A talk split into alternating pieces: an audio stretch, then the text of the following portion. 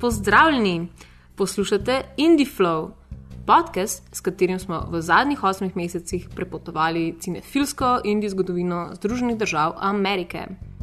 Danes bomo ostavili na zadnji postaji. V tej sklepni oddaji serije, hkrati pa bomo sklenili še en večji krok, namreč.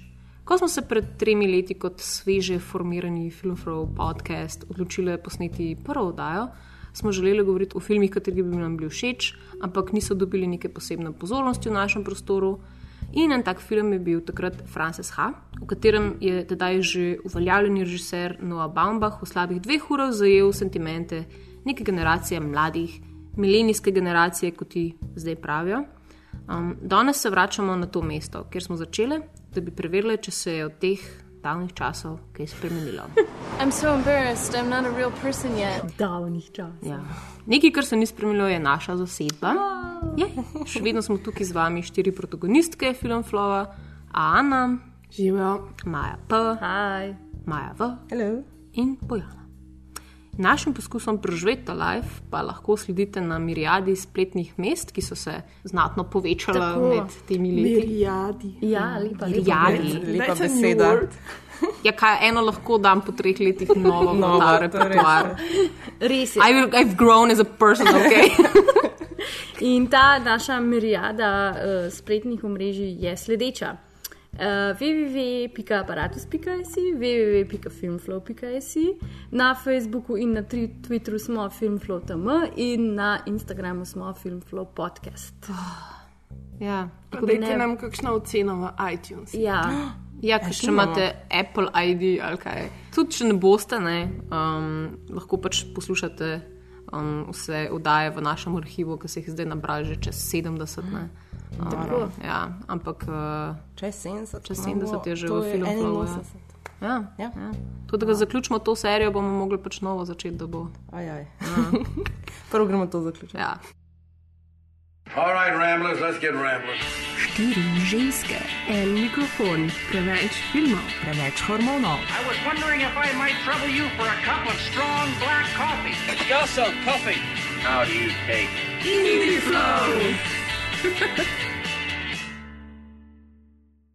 Ne bomo danes samo obojili spominov, ampak se bomo tudi sprašvali o nedavnih premikih v indijski filmski sceni.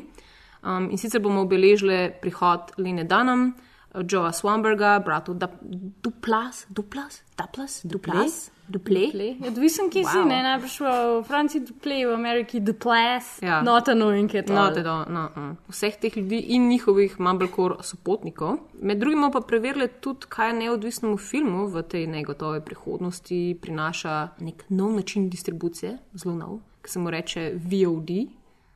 Mm -hmm. Vse to, vse je to v tem zadnjem indie flowu. Tell me the story of us. Again? We are going to take over the world. You'll be this awesome publishing mogul. And you'll be this famous modern dancer.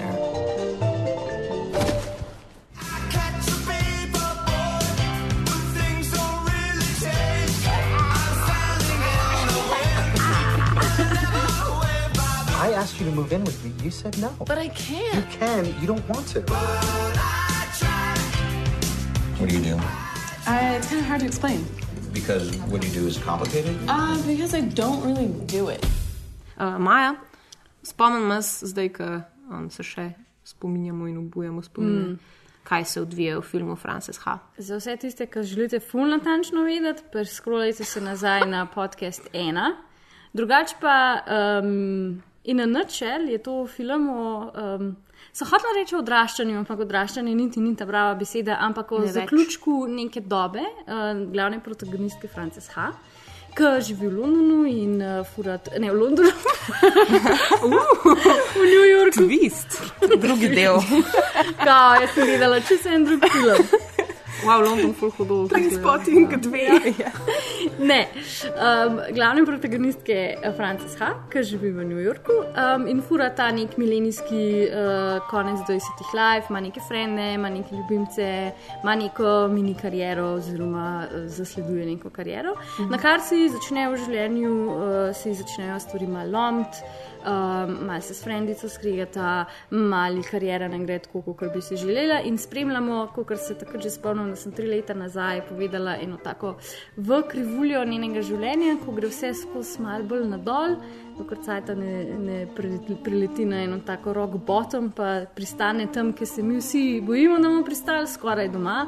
Ampak potem film nekako na tako dosti pozitivno noto zaključi nazaj, kjer se v bistvu ona postavi nazaj na noge, najde eno svojo drugo življenjsko pot, drugo kariero um, in, in, in se preseli v svoj flat in potem nekako nas film nas pusti v, v upanju, da me bi bo pa vse še dobro ratal. It's that thing when you're with someone and you love them and they know it and they love you and you know it, but it's a party and you're both talking to other people and you're laughing and shining and you look across the room and catch each other's eyes, but but not because you're possessive or th- it's precisely sexual, but because that is your person in this life. Jaz se spomnim, da sem bila pozitivno nastrojena. Mhm. Da sicer ja. ni, ni to nek klasičen filmski konec, ki je potem glavni lik se naučil nekaj in um, zrastel in zdaj bo vse boljše in ne vem kaj vse, Mhm. ampak pač basically life. Ne? Ene stvari so še kar malo pizdi, ene stvari so malo bolj šratale tam, tam, tam, ampak Mhm. boljš, kot je bilo pa prej. Meni je bilo pa zanimivo, ker sem, zdaj, ko sem ga še enkrat gledala, sem ga dejansko malo drugače Mhm. gledala kot pač pred tremi leti. In mogoče tudi v povezavi z enim člankom, ki sem ga pred kratkim brala, pa z neko temo, k, s katero se, se mi zdi prav ta zadnja tri leta smo se zelo veliko ukvarjali, ali pač delati neki. šči, um, Ne vem, oziroma zasledovati svoje sanje, pa pač imeti ta passion pri delu, kot pač vsi govorimo, ali je to neka stvar, ki je resnična, ali je to pač neka ideologija. Mislim, neki pač s čimer nas samo nas prepričujejo, da moramo res pač delati prek vseh svojih mej in vseh svojih zmožnosti, da pač bomo nekoč prišli tja, kamor hočemo. Ker če bomo delali nekaj, kar nas res pač veseli in pač izpolnjuje, bomo zihar pač dosegli to, kar želimo. Ne vem, se mi zdi, da ne vem, na neki točki v lifeu ugotoviš, da mogoče to res ni ta pot, po kateri greš, da so neke druge stvari, recimo, ne vem, pač nek purpose, ki ga najdeš pač v, te, v nekih stvarih, ki jih delaš, veliko bolj pomembne od vem, te strasti, ki jo čutiš do tega, kar, kar delaš. Oziroma, ne vem, zdi se mi, da na nek drugačen način začneš gledati na to. In zdi se mi, da pač je to točno ta tema, s katero se tudi Frances H. Mm -hmm. Film samo ukvarja. No? Um, Ja, jaz sem še zelo sveže spominjal v resnici na ta trenutek, uh, mislim, da so ga skupaj gledali, tudi medve v kinu, ki je bil na Lifu takrat. Uh Mhm. -huh. In je bila, um, mislim, da zelo tako fizično reakcijo, pač, pač sem začela jokati, pa nisem mogla nehati. ne. In, mislim, to se se skozi dogaja v kinu. Ampak, ne, ampak res je bilo pač to, um, ker mogoče res je ta sprememba v teh treh letih se zgodila, da pač takrat še nisem, sem sam slutila, kaj se pač pol po koncu filma zgodi, oziroma kaj se ji dogaja v lifeu, ker še vse in sama nisem šla skozi te stvari. Zdaj pa pač lahko rečem, da ja, okay, tako totalno pač štekam. Vse skupaj, ampak nisem si pa še čist na, na čistem. No? Ne ona v bistvu, pač, dokler časa res ni unata zadnja, ko ona da svoj, svoje ime in primek na kaselc, mm. ko ima svoje stanovanje. Pač ona ne živi za res svojega življenja. Pač, Njeno življenje so vsi drugi. Ne? Mislim, je veliko preveč vezana na, na vse, kar se ji dogaja, in na prijatelje. Pač ni za res še samostojna oseba. Ne? In zato je, je tudi tako težko, ko vem, njena prijateljica gre, mm. ko pač nima fanta, ko karkoli že. Ampak pol, ki se enkrat, mislim, kar res. Recimo temu, kao odraste, oziroma pač postane neka celostna odgovorna oseba, mm. je tudi to, da, pač, da je ona zdaj sa, sama. Mislim, mm -hmm.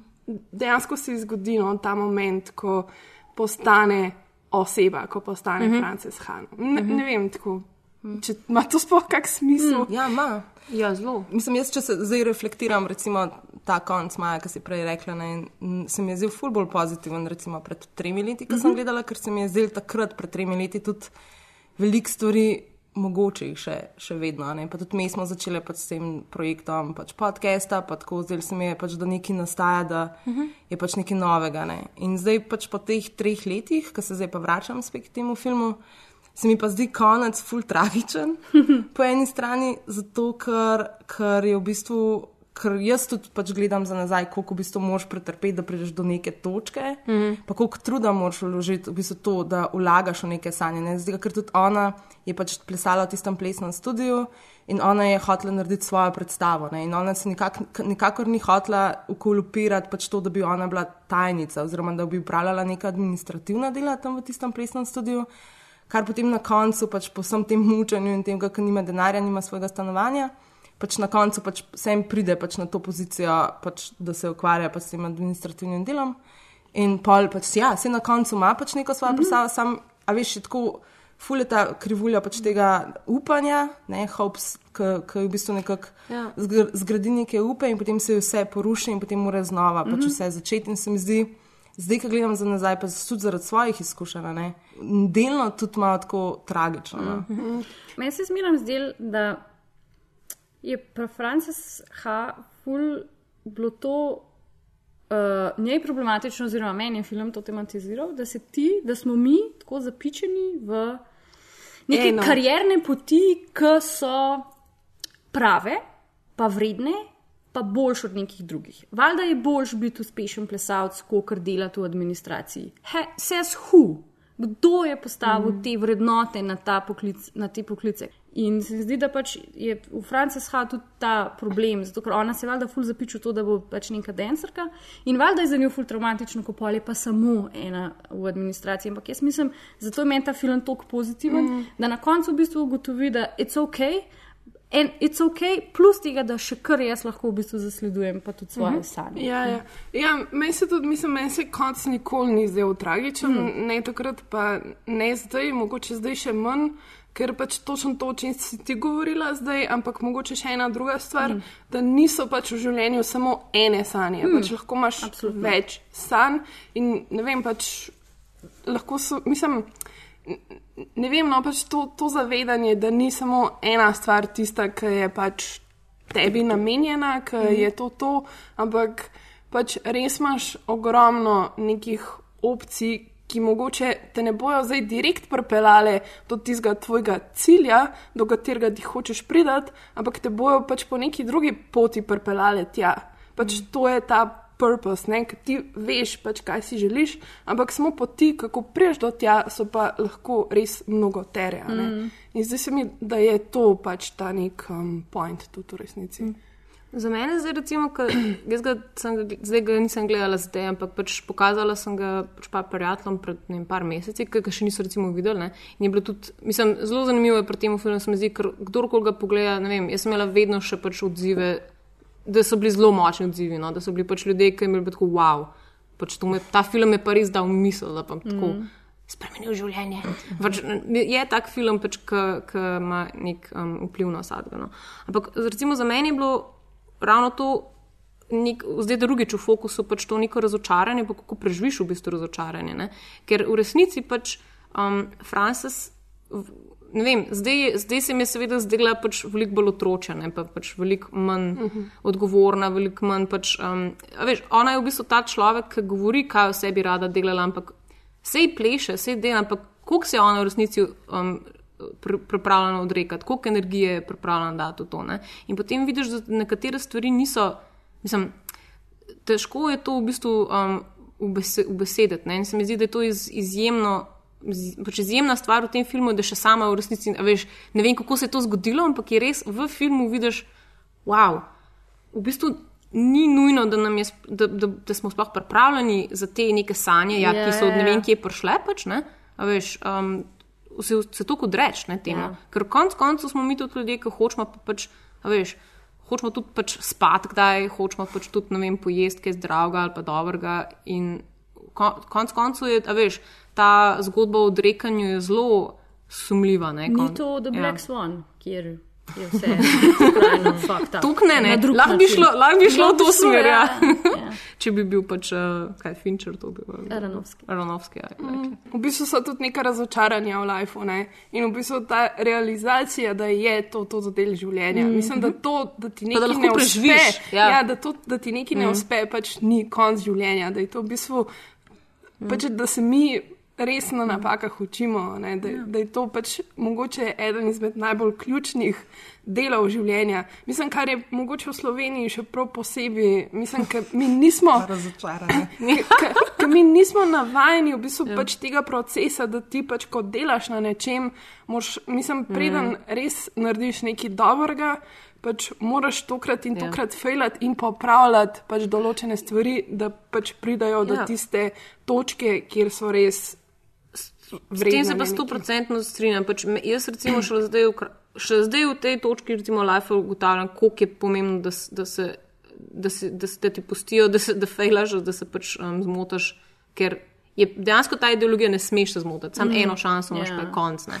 In je pač, mislim, mislim, mislim, da sploh, kar si rekla v Sloveniji, mislim, da se tako mm. živi. No.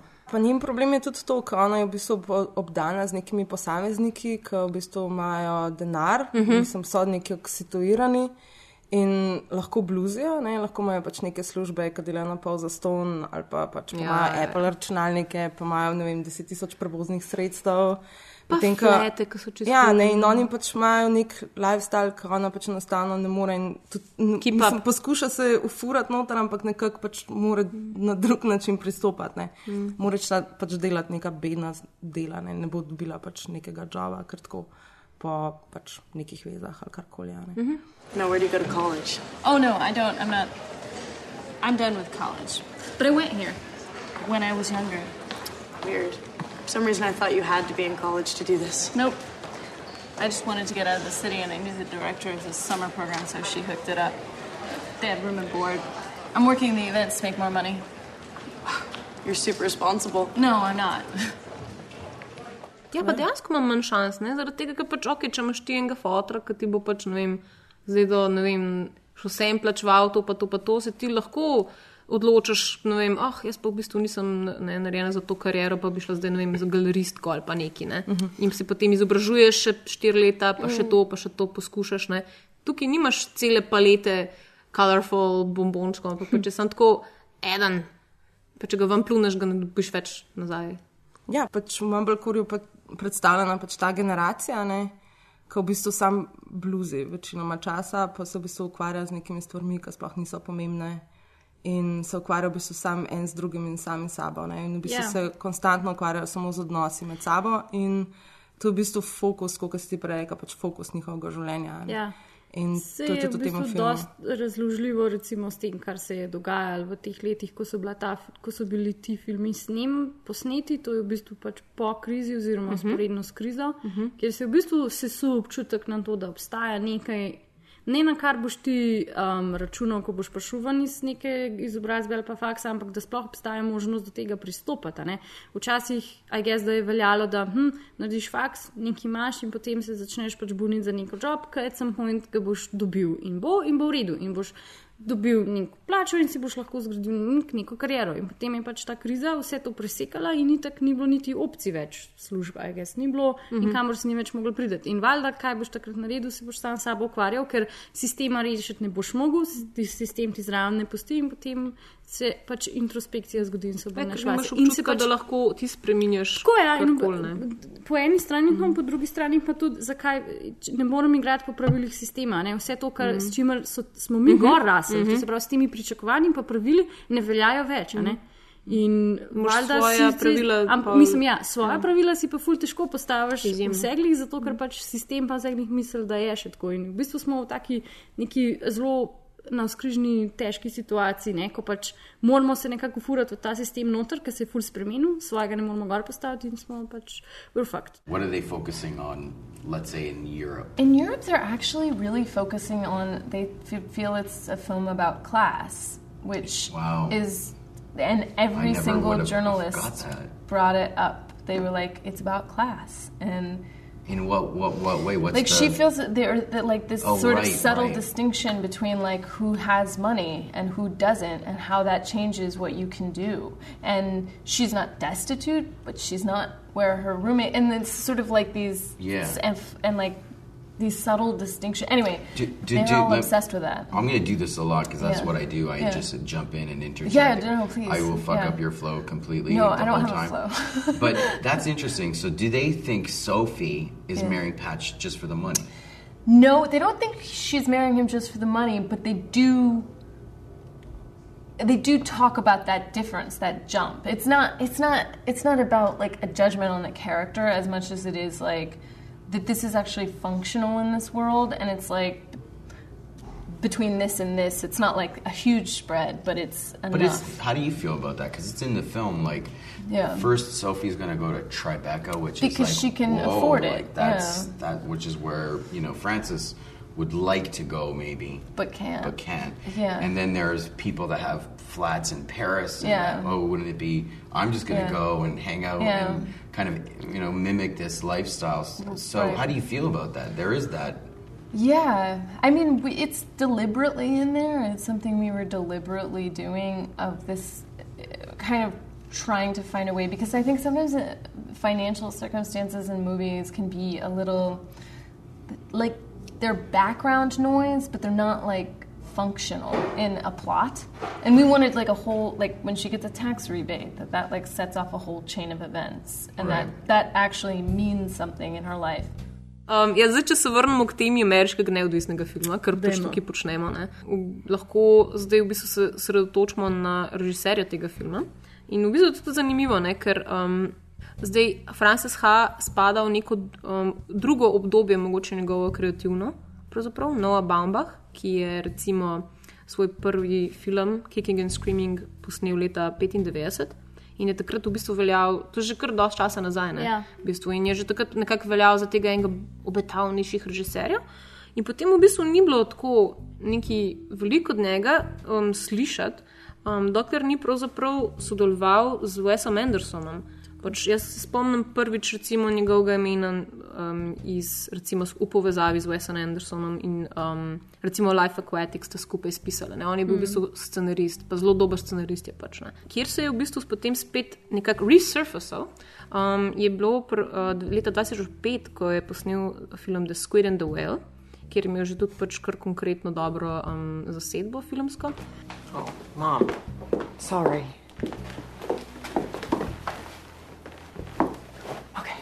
Okay, all set? Yes. Okay. Your mom and I. Okay, yeah. Uh, mom and I are going. We're going to separate. V bistvu za Squid and the Whale je v bistvu tako kot Royal Tenenbaum, samo pač zelo realistično Ja, narejeno, ne, ja, brez tega dramaturško. sanjanja. Ja, ja, tako pač uh, ločitev, tako zelo počas, tako v realnem času. Brez vseh Ja. zabavnih in vse. Bre, brez, v bistvu, res brez zabavnih insertov. Brez te nore simetrije, pa kar Ja. koordinacijo. Ampak ima pa še vedno ta, v resnici, ne, ima še en ta um, air. Mm Mhm. -hmm. Zelo lahko ga v bistvu nekako povežeš vse in z, z Wesom Andersonom, mm -hmm. ker ima ta stil, ne, je ta preppy, New York, a veš, vsi so tako v bistvu se obnašajo kot otroci, no, še vse en. In, in, je, in je pač res čudovit film, mislim, da tudi takrat smo ga nekako polno, se mi zdi, potem opazili. Um, na kar je naredil še Margot, Margot, Margot at the Wedding, mm. -hmm. kjer pa um, se pravi z. Um, Nicole Kidman? Nicole Kidman. Hmm. Se zdi se mi, moram še enkrat preveriti. Z eno to avstralko. Z eno to avstralko in je tudi pač dosti brutalen film, čustveno. No? Ampak recimo, da to potem paše vse v neko to fazo um, pred. Pred uh, razsvetljenjem, ko je pa potem, um, kot mi je Ana prej razsvetlila, tudi mene, um, z enim drugim, ma, v bistvu, ko je on spoznal Mumblecore, pravzaprav, ko je um, sodeloval kot producent pri. A, kot producent je sodeloval pri enem filmu Joea Swamberga, o katerem bomo več malo bolj pol povedali. In sicer je to film Alexander the Last. Um, tam je bil producent Bambah in na tem filmu je spoznal Greto Grvik. Greta pa seveda muza Mumblecoreovcev, že v tistem trenutku um, in vseh teh ljudi, ki bodo nas našteli in sploh cool lady. In, um, ja, in to poznanstvo je potem rezultiralo v njihovem prvem skupnem scenariju. Ne, čeprav v resnici je najprej rezultiralo v eni vlogi, ki jo je Greta dobila, sicer v filmu Greenberg, um, kjer se v bistvu, ki je v bistvu njena prva vloga v hollywoodskem filmu, se mi zdi. Um, ja, potem sta pa skupaj napisala scenarij za Frances Ha. In mislim, da s tem pač nekako se, označu, se bi se lahko označila neka nova doba na njegovih pač filmih. Konc Mumblecore. Ja. ja. No, se Noah Bambach v bistvu ni nikoli bil. Ne, Ja, ja. um, Mislim, tam, v bistvu on je, on je tako, on je naredil, on, je je v bistvu se. paralela. Ja, Kot da bi iniciral v bistvu, veš, tako te, so svojo kariero, zdaj pač ta coolness od Mumblecora in tako osvežil v bistvu. Tako, tako ga jaz dojemam njega v bistvu no, in njegove filme. Brez Grete tega novega obdobja pač ne moreš, ga ne bi bilo, no, preprosto. Ki je pa ona prej v bistvu večinoma samo igrala v Mumblecore filmih. Ja. Potem je pa začela še pisati scenarije in potem na koncu se opogumila in začela še sama. Čeprav je tudi že v Mumblecore filmih je pisala scenarije, oziroma uh -huh. um, tudi s Swambergom sta delala skupaj um, ne vem, dva filma, nekaj tasga. Uh -huh. Um, tako da pač je tudi že tam v bistvu bila aktivno, ni samo igrala, mm. ampak, ampak itak pri Mumblecoreu je bilo tako, da so vsi vse delali. ne. Ni bilo teh v bistvu nekih res um, ločitev na to, da ti si lučkar, ti pač um, mm -hmm. snemaš zvok, ti uh, si kamera. Ne. Vsi so delali vse. In to je bil tudi pač eden od pointov um, Mumblecore. Mumblecorja. Pa tudi, mislim, pri scenariju vem, da je bilo doska tudi več ljudi napisanih, ker večinoma dialoga je bilo tako improviziranih, ker mm. pač Mumblecore, ne, you just mumble stuff. In, uh, in so zaradi tega tudi oni kot prispevali, valjda, k scenariju, mm. ker you know, I started uh, improvising because uh, I felt like it was a way to resist uh, my natural tendency to emulate other things that I had seen. So, you know, I felt like the only way that I was going to accidentally make something original w- was to s- was to create a situation where I didn't know what was going to happen. Um, and that started in an environment where I was shooting my own stuff, you know. So I, f- as a director, I felt like if I just free the actors up to say whatever they want and move anywhere in the space that they want, then by default I'll just have to follow them with the camera, and I'll capture new images that way. You know, I can't. Uh, I can't accidentally conceive of new images. I'll just have to sort of make that happen. Lahko še čisto povzamemo, za, um, kaj sploh je Mumblecore, o katerem smo, zdaj danes smo ga že stokrat omenili, ampak je lahko še ta um, boring, Tehnični. ja, tehničen. Kaj uh, pravi Wikipedia članek, da Ja. Mumblecore je? Uh, ja, v ne, bistvu jaz sem bolj YouTube videa Oh, gledala. Ja. Jaz sem pa, jaz sem pa pravila. Mislim, tukaj tako bojana strokovnjakinja Ja, ja, za tako da- Mumblecore. tako da- Niti A ne. najprej lahko uh, slovenski prevod Mumblecora? Ne, ne moramo. Momljavčki. Momljavčki. Ja. Veš, to bi bilo tako za živžav. ne, Momljavčki na slovenskem. Ja. No, Bojana, kaj je Mumblecore? Ne, mislim, meni je pač tako, pri pr Mumblecoreu je um, ta stvar, da gre za filmsko gibanje, ki to nikoli ni želelo biti. Seveda, ker je pač ga, kot večina v bistvu nekih gibanj, ki so jih v bistvu kritiki naredili, bolj, bolj kot pa avtori sami. Mm -hmm. Začetka je pač šlo za eno kupico filmov, ko so imeli nekatere skupne karakteristike, med katerimi je bila tudi ta, da se ljudje v njih glavnem zelo veliko pogovarjajo, ampak se jih ne sliši preveč dobro, ker momljajo. Ne? Ker je pa tipičen problem itak do-it-yourself filmarjev, ker um, pozabijo dobro ozvočati igralce, pro, iz produkcijskih razlogov si jim tega ne morejo privoščiti. Mm. In nekako je to momljanje na nek način postalo zaščiteni znak filmov. To so recimo Mutual Appreciation, Kissing on the Mouth, Puffy Chair. Funny Um, haha. ja, Funny haha, recimo. Ta tudi. velja ne za prvi. Prvega. to the shipwreck shores of a dark and strange country. I was born. What is that? The cow. I was out of place. 90% of the guys that you know are totally head over heels in love with you. I am not afraid of getting hurt. Listen, I was talking to my sister. She was trying to encourage you to make a move on me. I mean, she, you know, I, she brought it up. I just, um, Mumblecore. Ja, in, in, no, v bistvu Mumblecore niti ni trajal, pač, mislim, trajal sploh dolg, ne, Ja. um, nekaj kratkih let, ker je bilo verjetno tako potrebno, da so režiserji investirali v boljšo opremo in potem ni bilo več Ker zdaj kao smo že v post-mumblecore, pravi Wikipedija. Zdaj, zamejiš. ja. normalno govorijo. Ja, ja, To, je- to je seveda zelo uh, vprašljivo, tudi kaj ti je Mumblecore sploh da obstaja. Aha, uh, ja.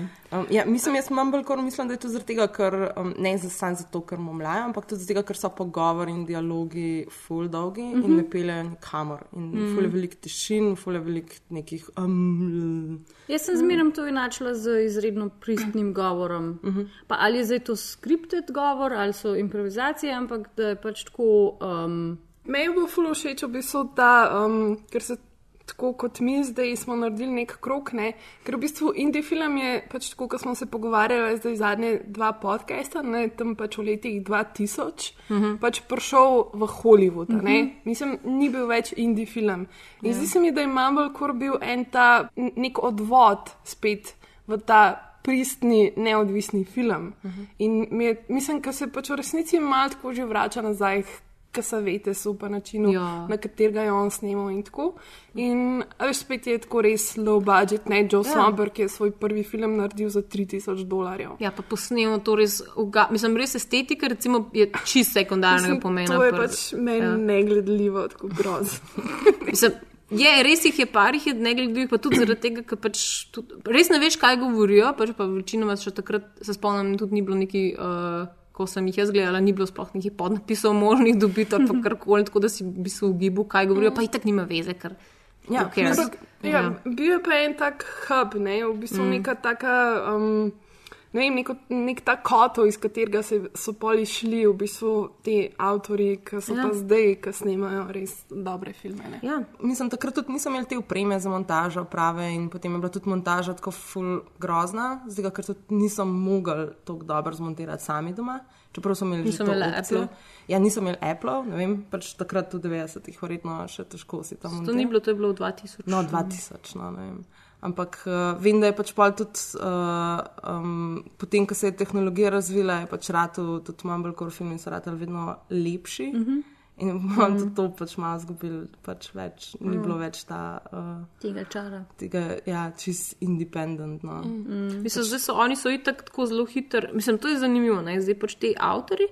So, ravno, ravno v bistvu niso bili, um, spet ni šlo večinoma za ljudi, ki bi si želeli ne, zavedno ostati. Recimo, niso bili vsi, ki se vete si. Ne? Tako pač v, v, v, delali so v bistvu to, kar je on delal, ampak niso pa. Um, So pa, so pa seveda ambiciozno razmišljali o tem, kako bodo um, izboljšali seveda, te filme. In mm -hmm. tudi mi ni bilo recimo problem potem, ne, Fox, Searchlight, Puff, ne, um, mm. narediti del, ker Mislim, pač. v bistvu so ja. ja. hoteli iti v Hollywood. Ne, Ja. ja. Njihov cilj je bil pač delati filme. Ja. Ja. Ne hollywoodske, mogoče, ampak s temi proračuni Ja. ja. in s tem uspehom. Ne? Ker takrat je itak že tudi obstajal ta, tako, ne, ko smo rekli, ta trg je zdaj že teh neodvisnih, ne, indie-wooda pač ne. Ja, ja. Čeprav mi je bilo zanimivo, tudi, ko je pač Joe Somberg v enem intervjuju govoril, da mm. je v bistvu toliko filmov produciral oziroma delal tudi zato, da so ga opazili. Mm -hmm. Ker pač, ko narediš tok in tok in tok filmov, nekdo te more pač enkrat opaziti nekje. I certainly had the sense that there were people in the world or on the, the internet, whatever reflection that is of the world, who, you know, I, I felt like there, surely there existed a, certain people who would, would say, oh, I hate Mumblecore, Mumblecore sucks, who had not necessarily seen, you know, um, my movies or Swanberg's or any of the others that would be lumped in, like that it just kind of became a thing that you could dislike, understandably. I mean, you know, that, that it, the kind of shorthand that it represented was not necessarily that, that attractive, and I don't think, certainly none of us uh, who, who made any of those movies ever set out to make a Mumblecore movie, and I, you know, it, it wasn't anything that I think had much to do with what any of us thought we were doing. Um, it's funny to me now that it's been around long enough that maybe it is an identifiable thing, or maybe you know, a a young person could uh, could could go out and like with that as some frame of reference, like somebody in their twenties maybe could go out and say, "I'm going to make a mumblecore movie." I, I don't I, mean, I don't think that was ever anything that that I or, or, or anybody I knew ever did on purpose. Um, kateri so ti avtori, zdaj, ki smo jih omenjali? Andrew Bojalski, um, Lynn Sheldon, Aaron Katz, Katz, Katz in pa tri, o katerem bomo povedali več zdaj. Um, pa mogoče lahko začnemo s Joeem Swanbergom, ker ki je nek tak naš lju, lju, ljubljenec. pravzaprav. Ja, ki ga že vse skozi um, Ja, omenjamo omenjamo. danes. Tudi uh, dejansko smo že en podcast o njegovem filmu Drinking Buddies posneli. Nedolgo tega po Grotajs.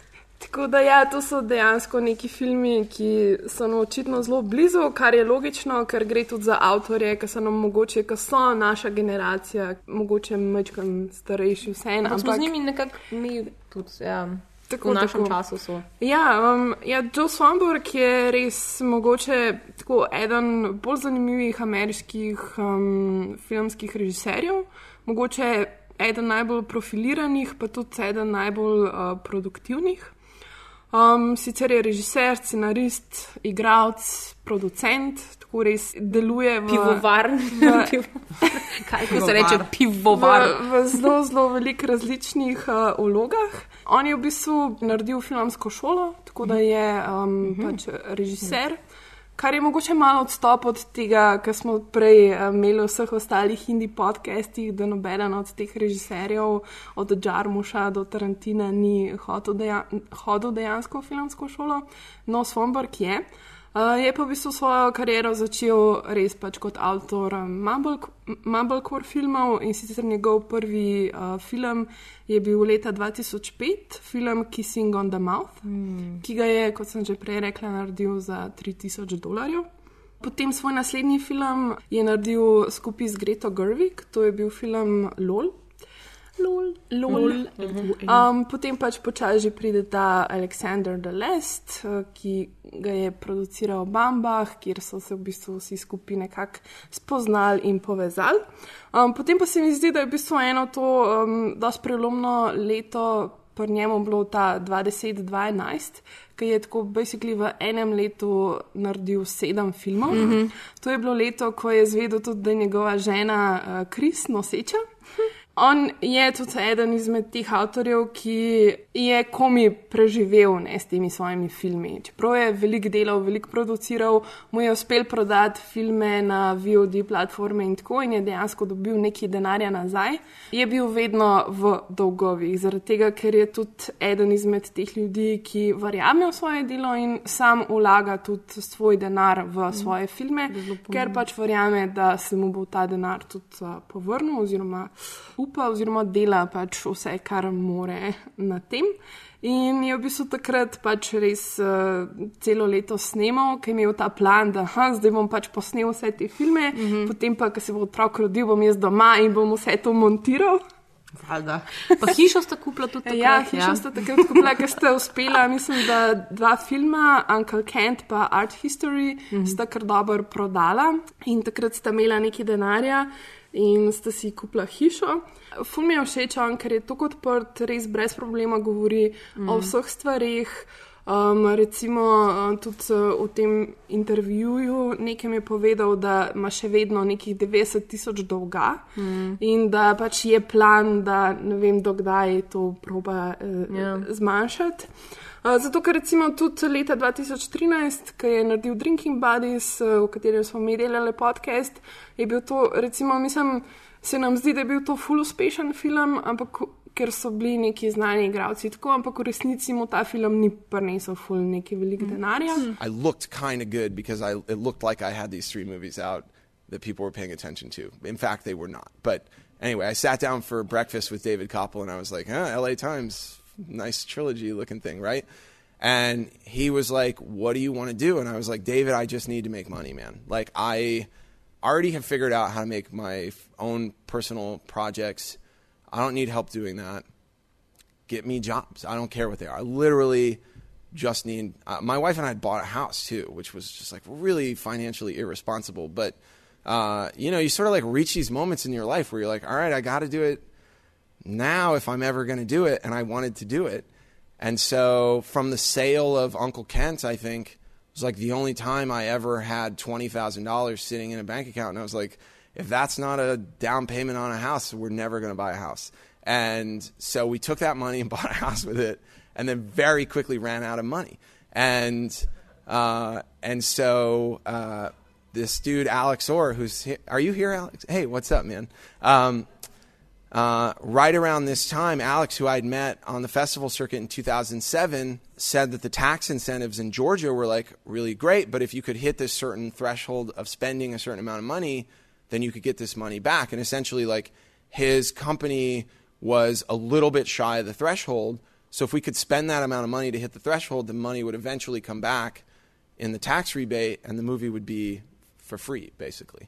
Um, and it sounded great to me. Not only was I into like the whole uh, grift of like stealing money from the state of Georgia on the tax incentive thing, uh, but also it was another chance to go make a quick movie. Tudi recimo Happy Christmas, ki ga je posnel potem, so recimo snemali v njegovi hiši, igra on, igra njegova žena, njegov otrok. Mislim, je še vedno neki. It's a family business Ja. affair, ja. ker tudi v bistvu njegova žena, ne Chris, je režiserka.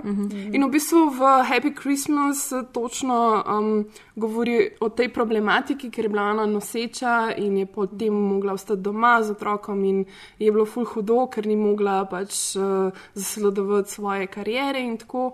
In je pač vsa ta problematika nekako pletena v njegove filme, ki so pač meni ravno zaradi tega všeč, ker se mi zdi, da se ukvarjajo z nekimi takimi zelo iskrenimi, resničnimi tematikami, z nekimi problemi vsakdanjimi, s katerimi se vsi srečujemo in tako.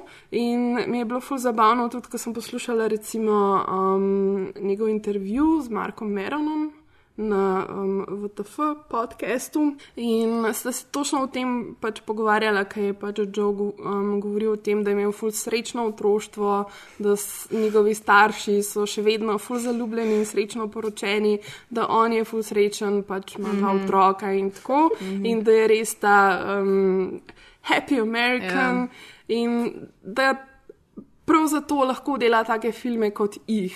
Trouble. How long you in town for? For a while, I think. Cheers. Give her a second chance. Let her prove to us that that was a one-time thing. Thank you for doing this. I've got to earn my keep. Do you want me to like text you updates? Oh, if you I can like send you pictures. He's still alive. Like, yeah. If you want to, yeah. okay. You could write like sexy novels. Are you saying write an erotic novel, sell it for a gazillion dollars, and all my problems are solved? Yeah. Druga dva avtorja, ki bomo pa danes predstavili, sta pa v bistvu prijeta v paketu na začetku in se potem malo um, raz, razparcelirata. Pa sta pa to, to brata, kako smo rekli? Dupla. Dupla. brata Dupla. In ja, sicer Mark in Jay Dupla, ki sta pa. Um, Kao Maja, čo, a tako ima ime. Duplas, ja. duplas. Ja, res nimam pojma. Če, če, kdo, če kdo res ve. Ja, ne, jaz mislim, ker uh -huh. ona da sta drugače iz New Orleansa, uh -huh. tako To je da definitivno sta francosk. francoskega Mhm. porekla in mislim, da se izgovori duple. Duple. Ja. Mhm. Ja, brata Duple, to sta Mark in Jay. Mm. In jaz v bistvu res uh, nisem pač vedela, da sta brata, ker si nista absolutno nič podobna. Res je. Če ne veste, Mark Duple je tisti, ki igra v HBO seriji The League, igra Pete Eckharta.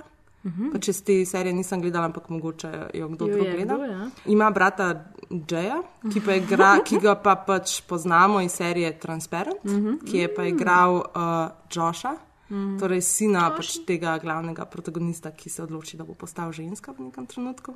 Mhm. Torej, to sta brata. Ja. Dupli. Ona da sta v bistvu od vseh teh Mumblecorovcev za moje pojme, recimo, ne, najbolj mainstream, bila že od začetka. Uh Mhm. -huh. Imela sta zmer te neke, mislim, sku- skozi sta skupaj v bistvu režirala in producirala. Mislim, da je bilo tako, da eden je bil kao, Jay je bil režiser, Mark je bil pa producent, čeprav to- igralec. Pa igra, ja, pa vse Mhm. sta, ne. Mhm. Ja, v glavnem on je igral, ja, točno. Ja, skupaj, mislim, da sta Mm. vedno sta pač nekako skupaj pisala, ker imata Mhm. tudi podobne izkušnje, pač iz otroštva. ne. In um, skup, skupaj sta pisala, en je produciral, pa pač skupaj sta tudi režirala, čeprav nista bila vedno pač oba dva napisana v kredicih. Mm. Ampak ja, pač že je bil kao ta režiser na začetku. Ja. In Mm. tudi zdaj je on veliko bolj uh, se ukvarja z režijo. Mm. Njun večji breakthrough recimo, je bil leta 2008, ko sta naredila Puffy Chair, ki ima recimo eno tako ful zanimivo zgodbo.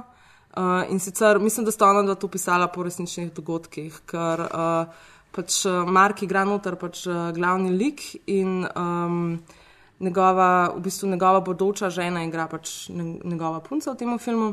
In ta glavni lik gleda na eBayu in najde nek full star stol, ki je v bistvu točno ista replika starega stola, ki je bila pač njegovega očeta in se on odločil, da bo ta stol kupil in ga zdaj s kombijem propelil do svojega očeta za njegov rojstni dan. Ne. Ta film je doživel premjero na Sundanceu in takoj zatem so podpisali pogodbo z Netflixom in pa Roadside Attraction. Mhm. Tako da v bistvu se je tukaj nekako ta njuna pot uh, zares začela. Med snemanjem tega filma, prvega filma, so se med pauzo pač ekipa malo hecala in je en vprašal, če sko kao za foro. Uh, kaj je recimo najbolj strašna stvar, ki se ti lahko zgodi v življenju? In je en rekel, najbolj strašna stvar je, če bi me en model z vrečko na glavi gledal skozi okno noter. Ne. In, in so pa Glej, naredili, glej. in so pa naredili film potem. Ja. Kako grejo štirje prijatelji nekam v koče in rečejo, ofa, gremo napisati scenarij o najstrašnejši stvari, ki se nam lahko zgodi. In so začeli pisati scenarij točno o tem, in naslov filma je Backhead. ne. To je je leta- prvi mumble horror film. Ma, ne, v bistvu je Road. Ja. Ne, road movie je bil Puffy Chair, je bil Ja. ja. Mumblecore Road movie, mm -hmm. uh, to je pa horror Ja. Mumblecore. Prvi in skoraj edini se mi zdi, Ja, ja. In je v bistvu tako na pol komedija, na pol Oh. horror, je pa tudi tukaj. Sam je eh, kar grozen. Greta Gerwig tudi tukaj ima. Grozen v pač, smislu strašen? Strašen, ja. Okay. Ja, Ja, ful pa- dober film je, ampak je pač creepy. Ja, jaz sem gledala sam trailer, pa mi je bilo kar Ja. skeri. Ja, Ker ja, ja, kar naenkrat prvo so se strašili s to vrečko, potem pa kar naenkrat. ja. ja. Aha. What are you talking about? That's our movie. I don't know about this bag thing. Matt thinks it's gonna be a good movie. I mean, I didn't hear the first part of your dream. The back over the head and your clothes on. Tell me that was you. Look, if one of you is messing with us, you just better fess up right now. Catherine, did you go into her room? No. and scare? I didn't. Then somebody saw me naked. Naked? Took my battery. Oh, that's scary, Chad. Bring out the chainsaw. Let's do it. None of you take this seriously. You guys want to be extras for the rest of your life.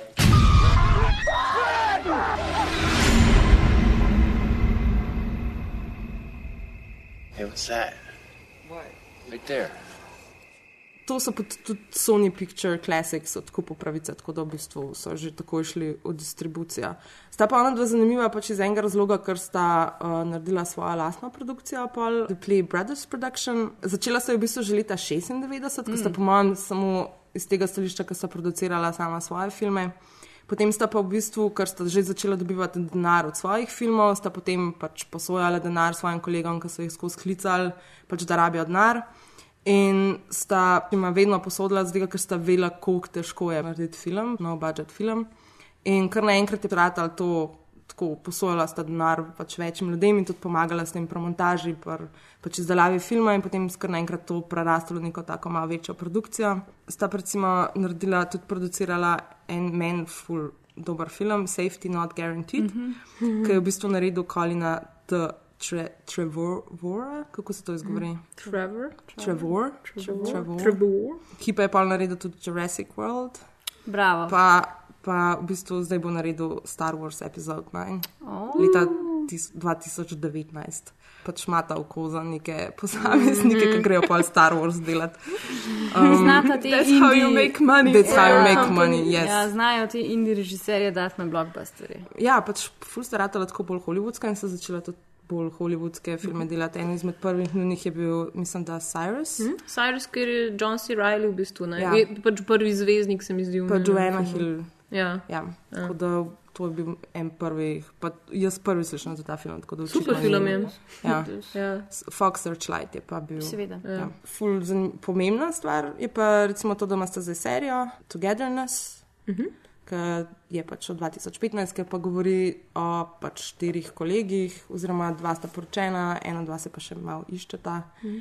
In je Ja. v bistvu ta, v bistvu ta dvojnost, v bistvu poročeno življenje, pa samsko življenje in pol v bistvu. Kjer je bolj bogino. V bistvu je cel cajt. Pač Ja. nekak, tako, kot da bi rekel, če sta prej delala pač filme o odnosih, ne vem. Um, 20-letnikov recimo hodijo ven, Mm. imajo se fajn, pijo pivo, eto, zdaj imaš serijo, v bistvu, kjer so eni ljudje poročeni, Ja. eni pa pač niso. paralelno njuno, njuno življenje. Tako, resnici, ne. ja. Ker Tukaj tudi Mark potem igra um, Tudi glavno ja, vlogo. glavno Oh, vlogo ja. in je.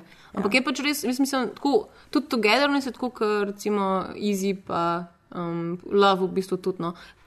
V, v bistvu so vse to tako zelo zastavljene, da ti res pač paralelno, tako kot ti živiš, ne, in je ta neka, um, neki spon in paci. Ampak res vsi ti kažejo, da ja, tako pač. Tako je treba razreševati. Pa, pač, veš, uh -huh. res, je, res je v tem smislu, da ni zdaj pač. Ne vem, če imaš neko konvencionalno serijo, recimo soap opera, ne, se gre. Ravno vse se gre za to, da, da pač ljudje ja, čim bolj zajedajo stvari. Ne? Da pač ko nekdo nikomu nekaj ne pove, pa, pa pač ne vem, to Ja, yeah, je ja, potem ja. drama, no ne, bečen prasica in to.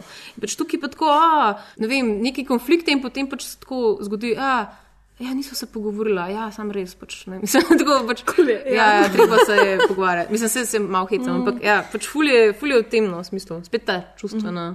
Mhm. Čustvena inteligenca, kaj vam prbija. Sta pa Ja. za razliko od Swamberga, pač ona dva ful melankolična in depresivna.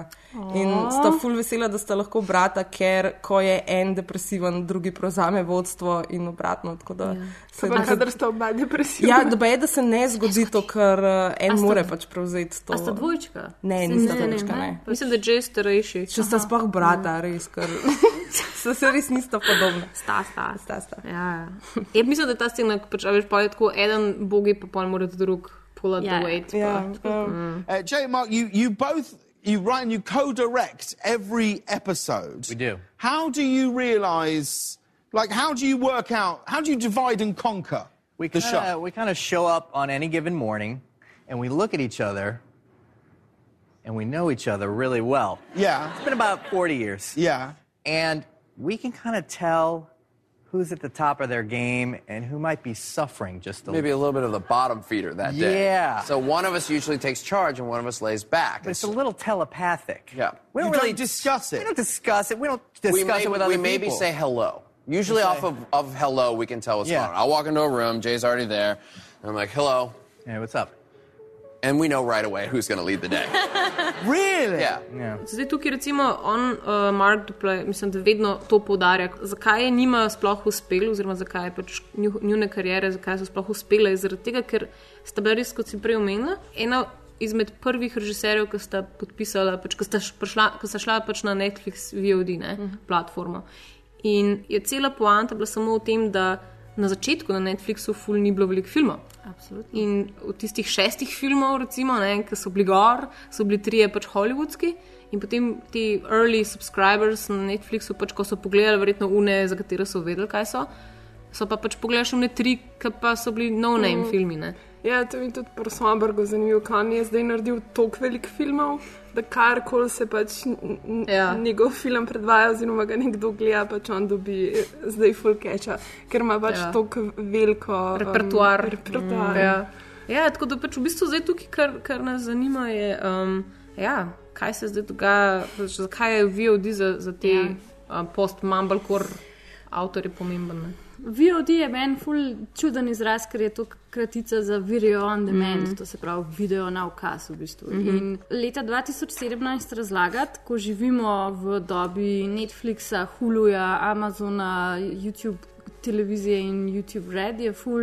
Nam je to tako vsakdanje, da ne vemo več, pomemb, da se ne zavedamo pomembnosti tega. Mm. Ampak če si recimo predstavljamo še par let nazaj, ne, ko je Filmor naredil film, ga je mogel prodati nekam, da so ga potem predvajali in distribuirali, potem je, če bi imel srečo, nekaj časa tekel v kinematografih.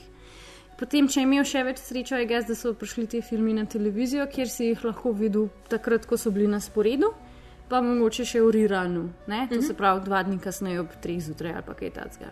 In to je bilo to, in potem je prišel na video kaseto, ki si, si jo lahko sposodil. Ne? Ko si mogel iti nekam fizično v en blockbuster prostor in sposoditi, mogoče je bila kaseta sposojena, pa si nisi mogel takrat sposoditi, me bi bil full spraskan trak. a ne? Mhm. In pol s pojavom eh, interneta, in še posebej pa s pojavom internetne televizije, to se pravi, ko smo prešali ta stran od anten in satelitov in šli na digitalno televizijo, je kar Lani. naenkrat, lani, dobili ja, dovolj hiter internet. tako, lani, predlani, je kar naenkrat to vse postalo instant. Ti si lahko med filmom prevrtel nazaj, pogledal za sedem dni nazaj, pogledal tudi filme, ki sploh niso bili na sporedu, ampak so bili samo na voljo v databanku tvojega TV providerja. Mm. Pojavil se je Netflix, ki je kupil filme, ki so bili potem skozi na tebi na voljo. Lahko imaš monthly subscription, pa gledaš neomejeno filmov, lahko film gledaš, pač kupaš en za enkratni ogled. Mm. Lahko si digitalno kupijo film, sposodiš za enkratni ogled. V glavnem, kar naenkrat je postal ful velik filmov mm. dosegljivih takoj, naenkrat in replayable in Commodity. takoj. In to ne samo pač v, obdobju tvoje dnevne, ampak tudi v obdobju tvoje postelje, v obdobju stola na troli, v obdobju pločnika, mm. ker ti to gledaš lahko tudi na mobilnih napravah. In v bistvu, kva? V obdobju pločnika Ja. ni šlo to skozi aparat. Kaha, kaj naredi. In v bistvu, v bistvu za, za neodvisne filmarje ne, je to, valjda jim je naredil veliko uslugo, zato ker v bistvu ni bilo treba več prostopati do teh nekih velikih imen. Ampak so lahko mogoče full hitro prišli do več ljudi prek Netflixa, prek Hulija, prek Amazona, prek uh, YouTuba. Recimo. In jim je do določene mere to omogočili, da je pač več ljudi videlo njegove filme, njihove filme. Ne. Zdaj, je to v končni fazi ta pravi način ali ne, je drugo vprašanje. Ampak na vsak način je ta VOD, video on demand oziroma streaming, zrevolucioniral način, kako tudi mi sprejemamo filme, dojemamo filme in na kakšen način želimo, da se nam servisirajo filmi, ker mi hočemo danes vse on demand, takoj zdaj. Aha, Guardians of the Galaxy so zelo v kinu, super, zakaj niso dva dni kasneje že na- Netflixu, ker jaz bi to zdaj še enkrat gledala, ne da bi šlo v kino. In je vse to v bistvu mal pospešil, mal pr mm -hmm. predrugačil. Čeprav po drugi strani se mi pa zdi, da to tudi na nek način pa kople jamo samim režiserjem. Ne? Absolutno. Pač zaradi tega, ker zdaj Netflix direkt kup eh, film, ki, ki ga vidijo na festivalu v Sundanceu in ga potem takoj dajo pač na ogled na svoji platformi in ga na nek način zakopljajo med pač milijone in milijone drugih filmov, mm. kjer ga mogoče ne vem, nekdo sploh nikoli ne bo najdel, pogledal karkoli. Oziroma, pač na festivalih najdejo odlične filme, ki imajo potencial, da bi, vem, res lahko naredili neko lepo kinematografsko pot, da bi jih ljudje lahko gledali na vel- velikem platnu, ker si to zaslužijo, mm. -hmm. ampak nikoli ne pridejo do tega. Ne? In pač se dejansko izgubljajo od, v tej poplavi teh filmov, neki res pač odlični filmi, ki so skupaj z Guardians of the Galaxy mm -hmm. in pač še nečem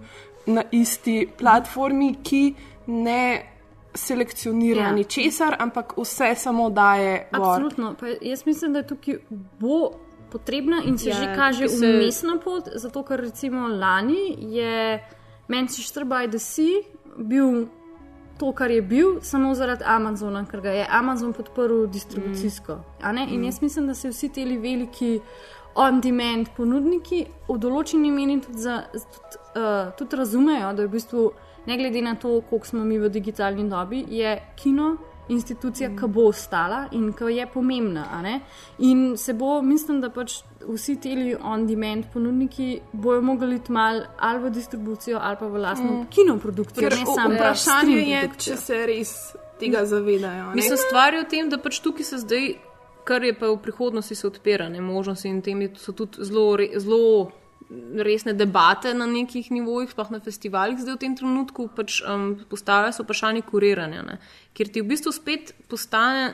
V bistvu iz tega divjega zahoda, ne, kar se pač zdaj dogaja, recimo, kot si rekla, super film je, ampak potem pa nihče ne ve, kva ne. Mm. Um, tukaj se potem možnost in potreba v resnici po kuriranju, se pravi po, po tem, da se naredi um, Selekcija. Da, ja, selekcija in se pač tudi ponudnik, recimo ponudnik, ne, naredi pakete in se pač. Uh, Potem se poskuša uporabniku po to približati. Mm Mhm. -hmm. Se pravi, da lahko. Veš, tukaj so možnosti ne, neskončne. ne, v Ja, Tako je recimo Mubi, ne, Exactly, ki ja. je kurirana pač Mm. mm. online plat, platforma, kjer imaš ti vedno na voljo 30 filmov. Um, In imaš ne po mm. avtorjih, po nekih tematikah, ja. po V festivalih. bistvu ti jih oni omejijo, ne? zdaj Mhm. ti pač to. Ne, veš, to, so, to je zdaj ta post, postmoderno, že skoraj mogoče. Veš, ko pač ne noče več izbirati, ko ima poln kufr pač, uh, izbiranja, ampak dajte nam nekaj, ki bo hudo. A veš, ampak ne bomo treba zbrati, pa že klene, ta ready made Moderira, spet. moderirana izbira. Ja. Vse v bistvu, um, če, smo, če pogledamo, kako je streaming, pa vse te stvari, to je zadnjih par let. To je v bistvu, Mm. mm. zdaj smo v plenicah streaminga, pa teh servisov. ne. Um, in je vprašanje, kam bo še šlo, kako se bo Mm. mm. industrija tudi odzvala in, in tako naprej. Mm. Ampak pač v tem primeru gre citirati Steven Fraja, ko smo odkrili električne stopnice, navadne štenge. niso bile posod zamenjane. Tako da jaz mislim, da vedno znova, kadar obstaja ena hard copy verzija stvari, tudi kot gremo digitalno, se ni bati za hard copy Ja, pa verzijo stvari. Tako kot vedno tudi tukaj ugotavljamo, pač gledati film v kinu Ja. je pač Ima popolnoma svoje čare. Drugačna Mhm. izkušnja.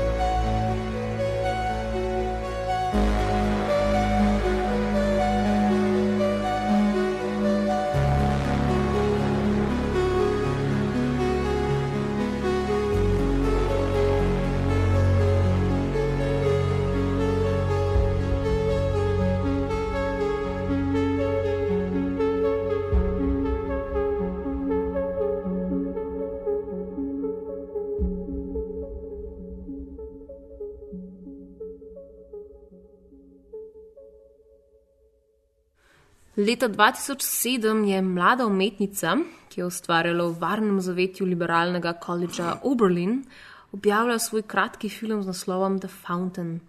V njem si avtorica umiva zobe v javnem vodnjaku ta istega koledža, medtem ko je oblečena samo v bikini. Ja, en teh neznosno pretencioznih arti videov bi si lahko rekel, um, pa še vedno si mogoče boste to rekel, ampak ker je šlo za dekle po imenu Lena Dunham, ta video ni potonil na dno internetne pozabe. Namesto tega je pristal v dodatkih na DVD-ju prvega celovečernega filma Gospodične Dunham, ki se imenuje Tiny Furniture, in um, v katerem lahko vidite zametke tega, kar bo kasneje postala globalna senzacija serija Girls. Maja, A, ti ja. pa lahko poveš malo več o tem fenomenu po imenu Le- Lena. Lena Dunham. Lena Dunham je ah, režiserka, pisateljica, blogerka, vlogerka, medijska osebnost, ki jo vsi, uh, you love to hate her. Tako bom rekla, pa še mm. feministka je po vrst. Ja, no, itak. you definitely love to hate her. Ja, kot je že Bojana rekla, Lena Dunham je odraščala v zelo takem liberalnem mm. okolju, oba dva njena starša sta neka na hard eh, art liberalca, oba dva neka umetnika, Oberlin uh, hodila v šolo. V bistvu um, tudi ona ni um, filmsko izobražena, ampak je v bistvu creative writing dokončala. Ampak uh, V začela. sklopu tega so pa tudi ne. Ja, valjda. neke, Itak, vse, delavnice vse oziroma- svoje, ja. express all your Pač, talents. she's an artist, umetnica Mm. je.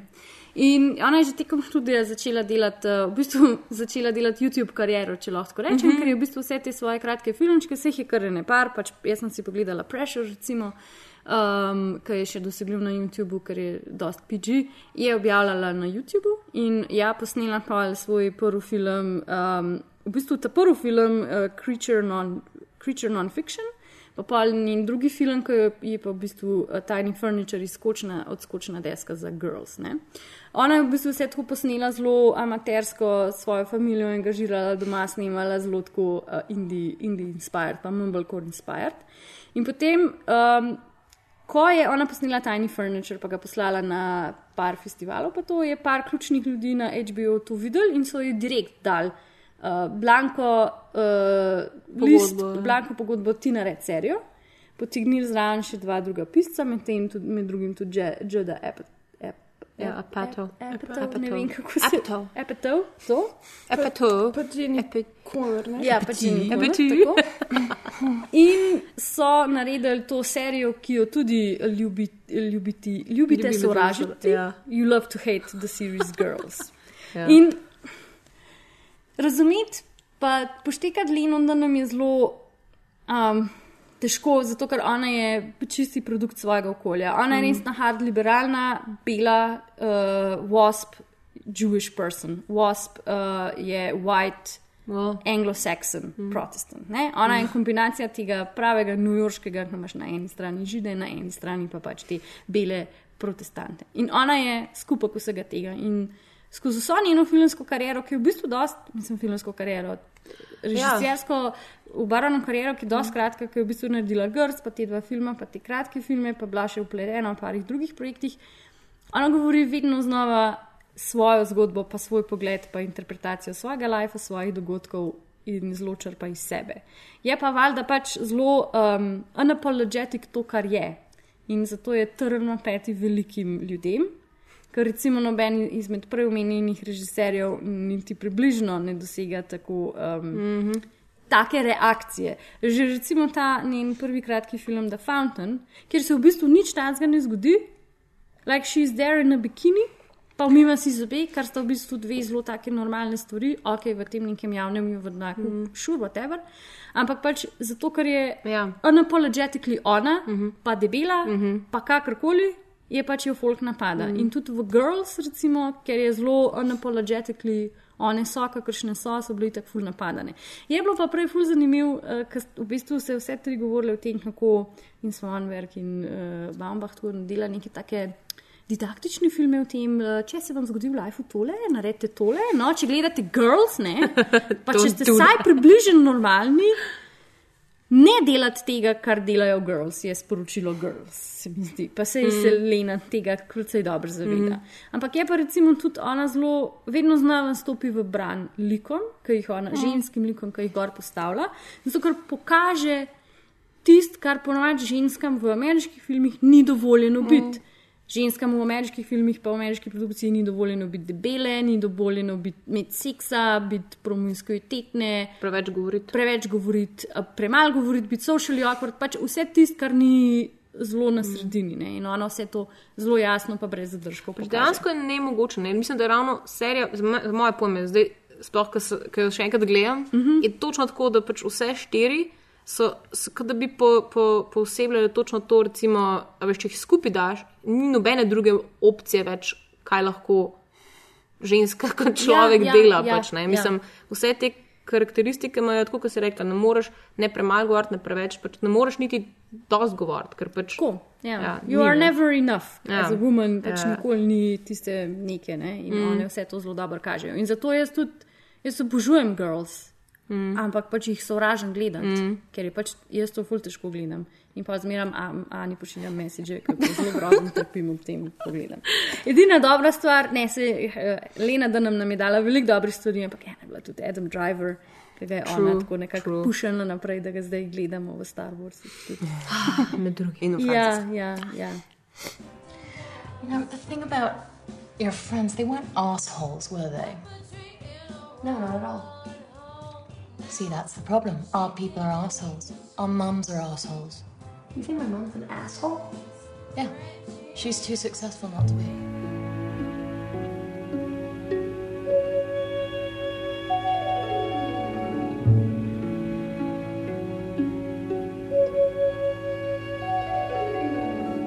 Ja, s tem se v bistvu naša serija Indie Flow zaključuje. Uradno.